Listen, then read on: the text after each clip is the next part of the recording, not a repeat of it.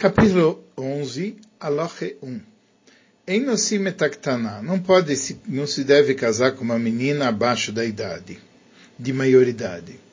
Veanosektana yetomá veloratza bebal, areizumemaenet. Aquele que casou com uma menina órfã abaixo da maioridade, ela não, e ela não quis ficar com o marido depois, ela pode anular esse casamento através de miun. Veolechet. Vem na tzericham menuget, ela não precisa de divórcio. Shen kedushim shel ktana, kedushim gmurim, biarno. Porque o casamento com uma menina pequena não é um casamento pleno, como a gente explicou. Vechen ktana sheisi havia, venitarmena. Também uma menina pequena, que o pai casou ela e ela depois ficou viúva, Unidgarsha, ou foi divorciada, que quando ela é Ktaná, Areiktom e Keitomá, ela é considerada como uma órfã, Bechai havia, na vida do pai dela, ou seja, ela já é independente. Vem Niset Ksheiktaná, Areizumemaenes. Se ela se casa quando ela é Ktaná, ela pode anular esse casamento através de Mion. Beis, Achereshes, a surda muda, Afalpiche Nesueia Midivrei Sofrim, mesmo que o casamento dela é pelos sábios, que Nesuei Ktaná, como um casamento de uma menina pequena, Lotiknu lá, Lotiknu Shetimaen, não fizeram um decreto que ela tem o poder de fazer miun, que deixe Elohim milenassa, para que as pessoas não se abstivessem de casar com ela. Gimel, Memaenet iktana, bem mineiro, sim, bem minanesuim. Uma menor pode uh, anular o casamento, tanto da, por parte do noivado, como depois do casamento, bem befnei balá, bem shelobefanav, na frente do marido, ou sem ser na frente do marido, que shen shememaenes bebal, kach memaenes beyavem, do mesmo jeito que ela fala, não quero ficar com esse marido, ela pode também fazer o miun com o yavam, com aquele que faz ibum. O memaenes bebalze, o memaenes beshen, ela pode fazer miun com esse marido, com o segundo, vem niset leacher, se ela se casou com outro. Vem beshlishi, também com um terceiro, veafilo kama peamim, mesmo várias vezes. Kolzman sheiktana, yesh memaen. Enquanto ela é menor, ela pode fazer o mion. O ktana shelom yana afalpi sheinesua והלכה ונתקדשה לאחר כשהיא קטנה קדושיה הם הם מיוניה. Uma menor que ela não fez mion, mas ela foi e ela fez um casamento com outro homem, quando ela ainda é menor. O fato de procurar se casar com outro já é um miun válido.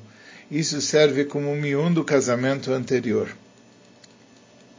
Dalet, Admatai Abat Memaenes, até quando a menina tem o poder de fazer miúna, eu não quero esse casamento, Kolzman Sheiktana, enquanto ela é menor, Achetie Neara, até passar para a fase de Neara, Ad Sheivada Shei Ailonis, ou até que se saiba que ela é Ailonis e ela não vai entrar na puberdade. Bamed Varim Amur, enquanto isso se trata, Besheló Baalei Abal Achar Sheniset, Bat Yud Beit Shana Veyom Echad. Isso enquanto ela não tem relações com o marido, uh, depois dela ter atingido uh, 12 anos e um dia. Avale Miguel Esman Azevenivalá, mas se ela chegou nessa idade e ela teve relações, o Ilve Abeilá Konem uma vez que há as relações elas garantem um casamento pela toira que Mashebiano, como a gente falou, areizu enamemanes. Aí já não basta mais miun, ela tem que fazer get. Vem na tzerchab de miun, sheivis manim. Não precisa fazer uma verificação para o assunto de miun, porque provavelmente nessa idade se assume que ela tem entrado na puberdade. Aloha rei, Alahá 5. Se fez uma inspeção física e viu que ela está sem pelinhos e puberdade. já que ela teve uma relação depois de ter chegado na hora, na época normal, de apresentar o simanim, shemeivia venashru. Você tem que suspeitar, talvez ela teve esses pelinhos da puberdade e eles caíram. O lefichach tzricha get misafek. Por isso ela precisa de divórcio por via das dúvidas. Vim me'ana achaka sheniv deka venitkacha. Se ela fez o miun depois de ter feito a verificação o kiddushim, le acher, para outro, tzricha mimeno get misafek. Precisa de divórcio por via das dúvidas. Vem e se ela por acaso casa, sem isso, Tetze Mizeu Mize Ve'avlat Safek Mamzer Mishneem. Ela tem que sair de ambos os maridos e a legitimidade da criança, ela é um bastardo com uma dúvida de bastardo em relação a qualquer um deles. Vav. Ktana Shalom Yana Veigdila, uma menor que não exerceu o direito de miun, e ela cresceu, Ve'afal Pi She לא נבהלה בעלה משנישאת בת י"ב שנה ויום אחד, mesmo que o marido não teve relações com ela depois de Mishenasit Bat Yud Beit Shana Veyom Echad, quando ela já completa 12 anos e um dia, Areizu Eina Memaenes, ela já não pode mais fazer miun. Sharei Gdila, porque ela cresceu. Vitzricha Get, Midivrei Sofrim, ela precisa de get pelos sábios, se ela quiser se separar, Sharei lo ba'aleia achak shegia leshnei ne'arut, ad shenachush la shemeivi simanim, vetie safek. Porque não uh, teve relações com ela depois de chegar nos anos de Nearut, de, da, da puberdade, até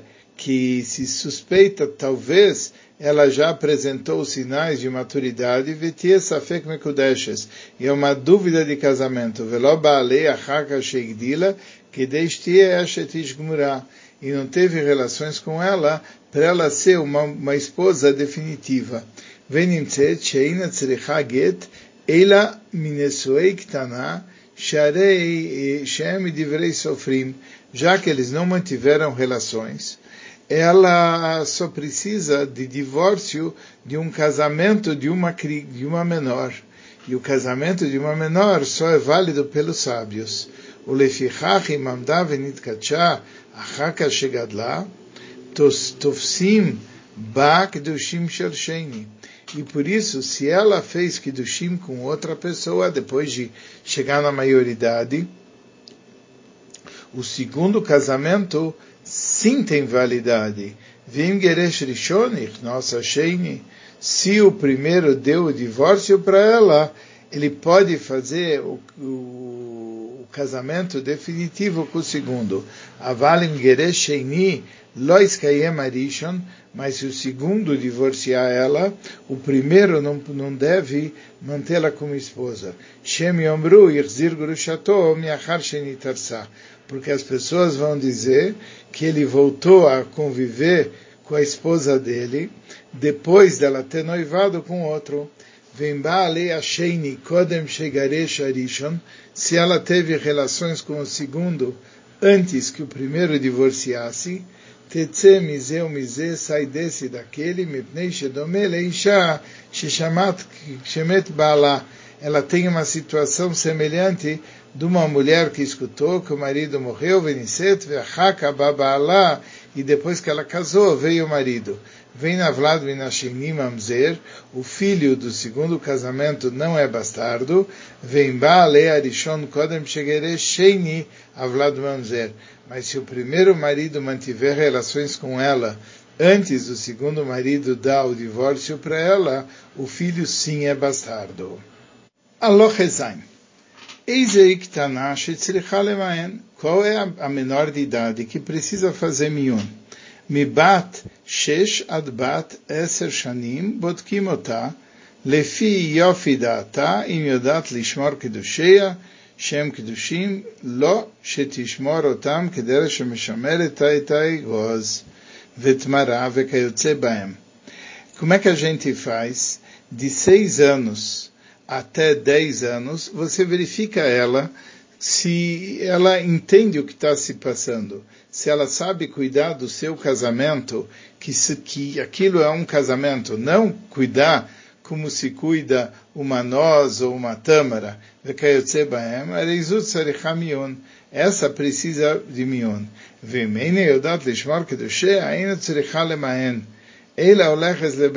Mas se ela não sabe nem cuidar do casamento, nada, não precisa nem fazer miun. Ela volta para a casa da mãe dela como se ela nunca tivesse se casado. O filho menos que seis anos, mesmo que ela sabe cuidar de si, etc., não precisa de mion. Veteir albat eser, mais do que dez anos, a filho sachlabe yoter, mesmo por mais tola que ela seja, tzricha mion, para ela se separar de alguém com quem ela se casou, precisa fazer o mion. Vekol mi sheisiu aheia o imá, o croveia, aquela que foi casada pelo irmão, pelo irmão dela, ou pela mãe dela, ou por parentes dela, sheloledata, contra a vontade dela, ela nem precisa fazer mion. Oitavo, Keitzad Memaenet, como que ela procede para fazer o mion? Befnei Shnei Edim, ela fala perante duas testemunhas, em Retzoni Beploini Bali, eu não quero ficar com fulano, meu marido ou em Retzoni Bekdushim Shekitshuni Imi ou Achai, eu não quero o casamento que a minha mãe ou meu irmão fez, Vekayotze Bedvari coisas semelhantes. Subim Bebeis Baalá, mesmo que tinham convidados na casa do marido, veio Medes Mashke Aleem, e ela está servindo bebida para eles, Veamra Einirotza Beploini Bali, e ela fala, não quero fulano, meu marido, Areizemiun. Isso se chama de miun, e com isso ela se separa dele. Tet. Ashnaim Shememaen Esaktana Bifneem, dois para quem a menor fez miun na frente deles, Kotvim lá, Beyom, escrevem para ela, Beyom Ploni, em tal dia, Mianá Plonis Bas Ploni, fulana, filha de Cicrano, ela, Befaneino, Beploni, Baalá, ela fez um miun contra fulano, o marido dela, Vechotmim, Venoitnim lá, e se assina e se dá para ela. Vezeu Gufo Shel Get Miun. Isso é o que precisa para o documento de Miun. Veget Miun Eino que Get Gerushim. Um get de miun não é como um get de, casamento, de divórcio normal, que o fato de entregar o documento, isso que faz o divórcio. Vem no Lishma, mas aqui não, é uma declaração, só isso. Ele não precisa ser escrito com intenções especiais, veló messira e não se entregue, lo davar me mishpateia get, que get gerushim, e nada conforme as leis do get e divórcio. Vem kotvim bo, tofsei a get, shemirei que get gerushim. Também não se faz, não se prescreve o texto do get, de miun, shemirei que get gerushim, para não parecer com, com divórcio. Lefi sheino eila que mais se beizin é apenas um registro legal. Yud, Ashnaim Shemimaenes Bifneem, as duas pessoas perante os quais ela fez o miun, Tzrichim Sheyu Makirimotá, precisam conhecer ela, Vetbalá e o marido Shemianaboy, que ela está fazendo miun em relação a ele. Urefihakor Mishiraotá Shemimaenes Shemianá Vishamá Meunea Yeshlalichtov Get Miunla. E aqueles dessa categoria que escutaram que ela está não querendo ficar mais com o marido, Yeshlolichtov Get Miunla, ele pode escrever um Get de Miun para ela. Ah, Afal Pisha em Makiri, Makiri, Makirá, mesmo que ele não conhece ela. Vikvar Nagu Israel, Lichtov Get Miun Benusach Deze o povo de Israel escreve o Get Miun seguindo esse texto que a gente vai falar agora. Alachai Dalef Get Miun, o texto do Get Miun, Bekar Beshabes, em tal dia da semana, Kar Vekar Yom Lachoidesh, tal dia do mês, Ploini, do, de tal mês, Shnas Kar Vekar, de tal ano, Leminyan Ploini, Mianá, Ploinis Bat Ploini, foi feito um miun de fulana, filha de Cicrano, Befaneino na nossa frente, Vemra, Sheimi Oachai Tuni Veitiuni, e falou, minha mãe ou meu irmão, me enganou e me casou, o Kitchuni fez um Kiddushim, Vianik Taná, e eu sou pequena, Leploini, Barploinis, Barploni eu casei e eles fizeram um casamento com fulano, filho de Ciclano, Veasta Giliti Daisi Kadmehon, Delot Savina Bei. E agora eu estou revelando a minha opinião na frente de vocês, que eu não quero ficar com ele. Velo Kaimna Imei. E eu não quero continuar vivendo com ele. O Batkana Ploinis Da Veit Lana nós verificamos a fulana e nos se mostrou de Adam que está aí que ela ainda é menor de idade, vekatfana vekatmana, nós escrevemos e assinamos, veavina lá e nós demos para ela leshus, para em mérito, o leraya brura, para servir de suporte e evidência clara. Ploini bar ploini ed, fulano, filho de Cicrano, testemunha, veploini bar ploini ed, fulano, filho de Cicrano, testemunha.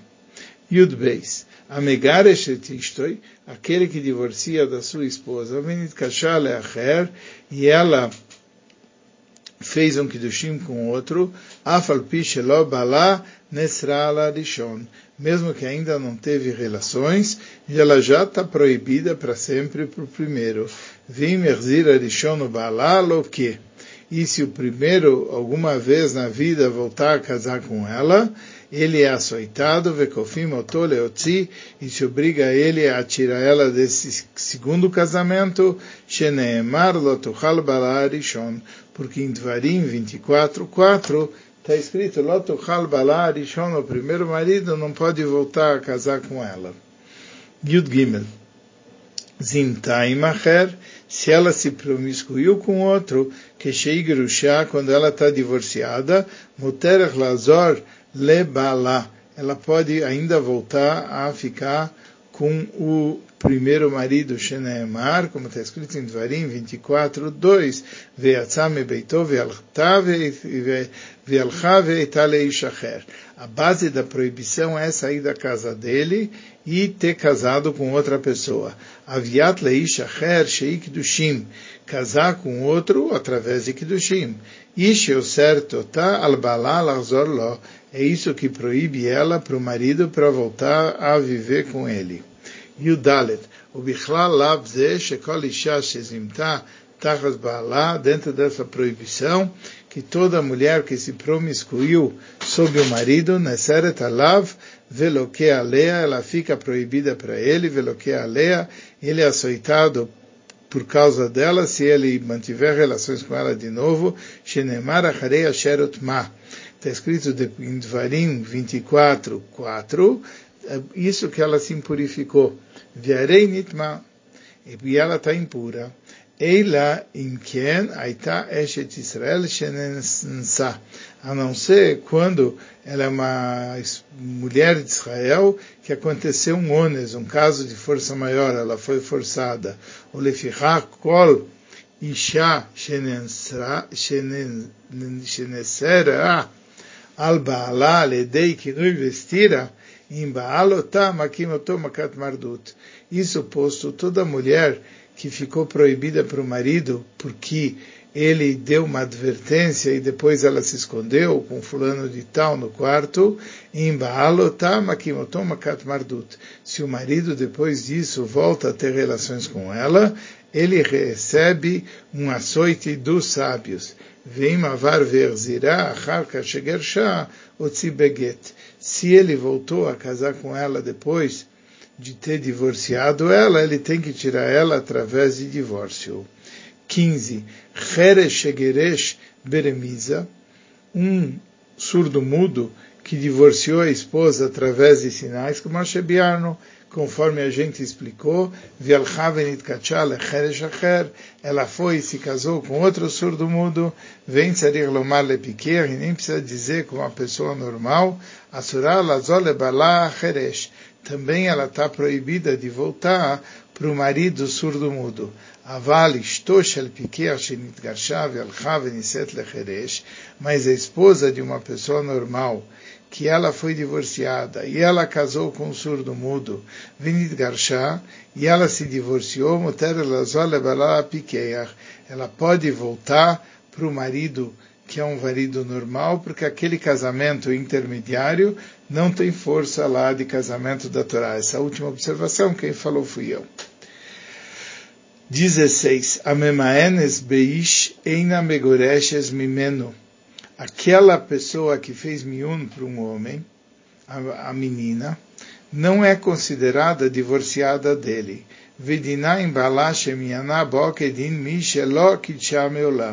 A lei dela, ela anulou o casamento. A lei dela com o primeiro marido é como alguém que não se casou nunca na vida. E Muteres Bekrovav, por isso ela pode, ela continua permitida para os parentes dele ver o mutar bekrovoteia, ele está permitido com os parentes dela na keuna. Esse casamento não impede ela de se casar mais tarde com Koanim.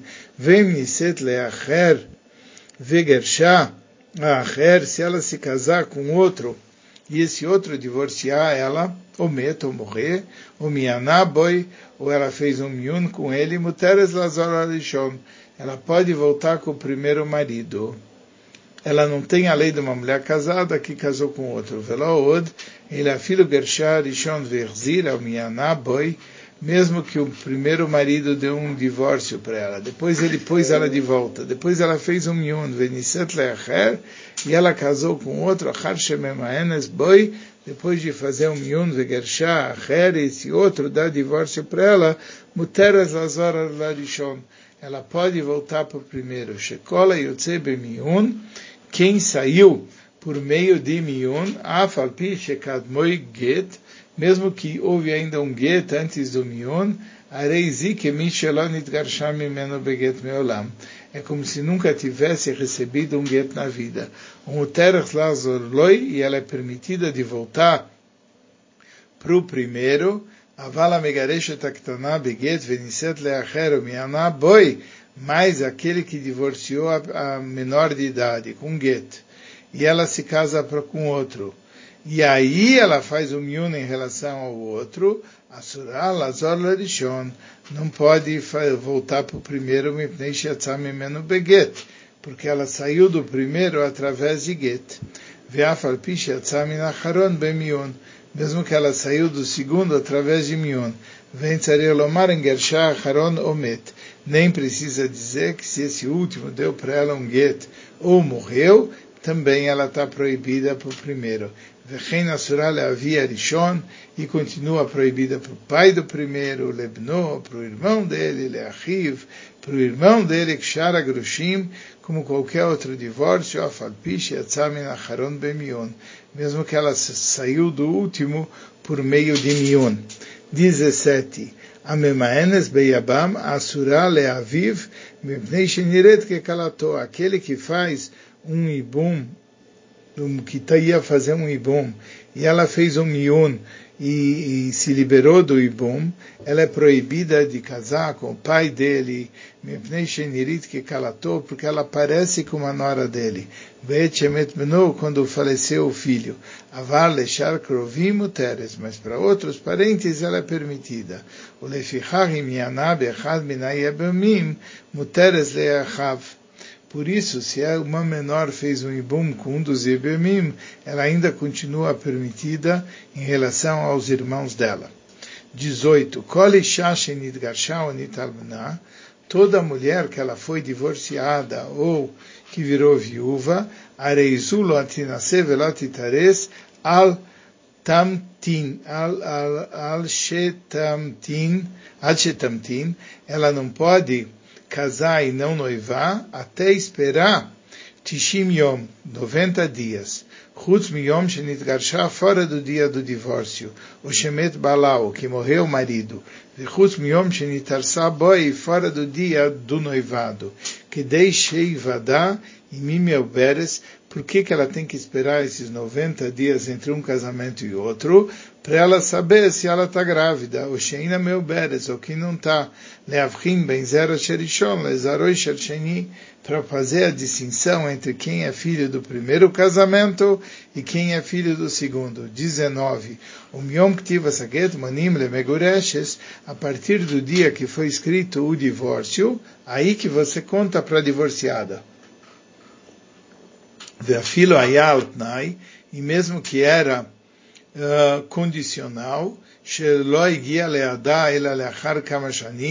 e mesmo que só chegou na mão dela depois de vários anos, minha activa, do dia que foi escrito, monim, do dia que foi escrito é que você conta, porque ele já não tem mais ele não tem mais privacidade com ela a partir do dia que ele escreveu o divórcio. 20. O Gzerat Chachamim Ishi Afilu Isha Sheina Reuya Lealed e os sábios decretaram que nenhuma mulher que não pode ter filhos, Ve'afilu Nitgarshau Nitalmenam Inairusim, e mesmo alguém que ficou viúva ou divorciada do noivado, precisa esperar 90 dias.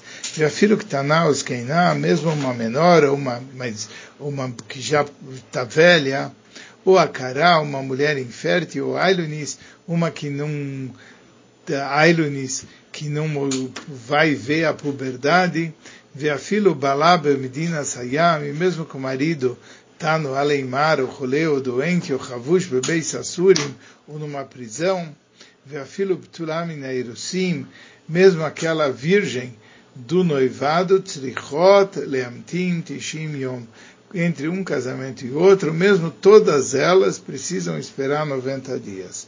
21. Shivcha Shenishtachrera, uma serva que foi liberta, Vigiore Shenitgayera, e uma convertida que ela se converteu, Mamtinim Tishim Yom, se espera 90 dias. Veafilo Ger, Veistoshenit Gairu, mesmo um ger e a esposa que se converteram, Mafrishim Otam Tishim Yoim, eles se separam 90 dias, que dele afrin ben zera shenizra bekdusha, lezera shelon izra bekdusha.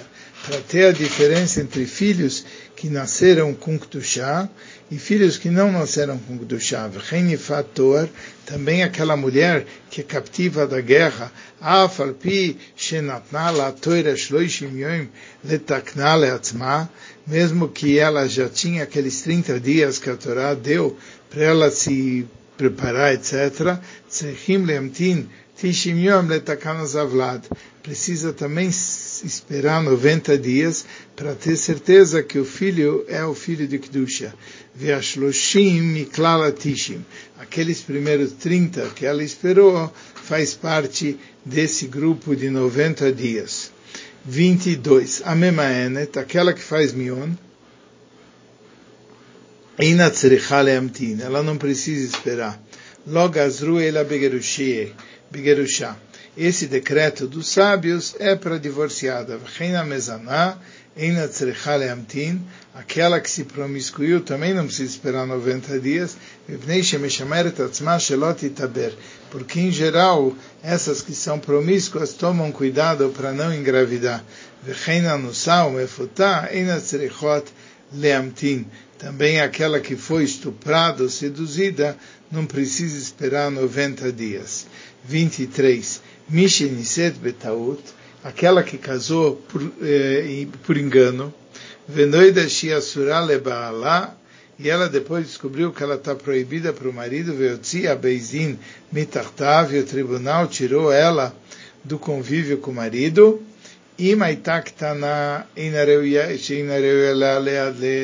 se ela era menor, que não poderia ter filhos, não precisa esperar esses 90 dias. porque isso é uma coisa muito incomum, vekol davar sheinu matsui, berov lagazruboi, uma coisa que é incomum, sobre isso não se decreta. 24. Ameares betoch tishim yoim menadimoto. Aquele que noiva com uma moça que está esperando os 90 dias, ele recebe um nidui, uma excomunicação. Eres ubarach em menadimoto. Mas se ele fez um, a consagração e depois ele fugiu para um outro local, não precisa fazer nidui. Kanas betoch tishim yoim mafrishim otam ad achar zman veyamod im aquele que fez o casamento dentro desses 90 dias, se separa eles até completar os 90 dias e depois ele pode conviver hum, com ela. 25.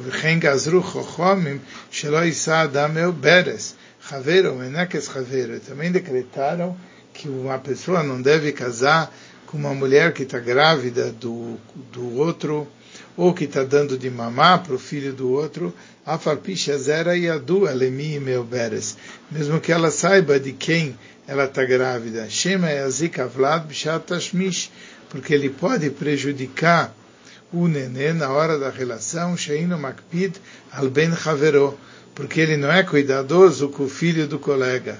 O meneka shema itakara chalav, aquela que está amamentando, ela pode acabar ficar sem leite, viu? Eino makpid lerapot achalav bedvarim amoilim lachalav.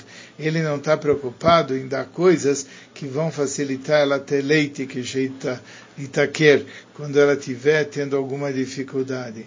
Vekamas mana inika, quanto tempo é a amamentação? Chavdalet choidesh. 24 meses, chutz miyom shenolad, além do dia do nascimento, o miyom shenitarsa boi, e do dia que ela foi consagrada.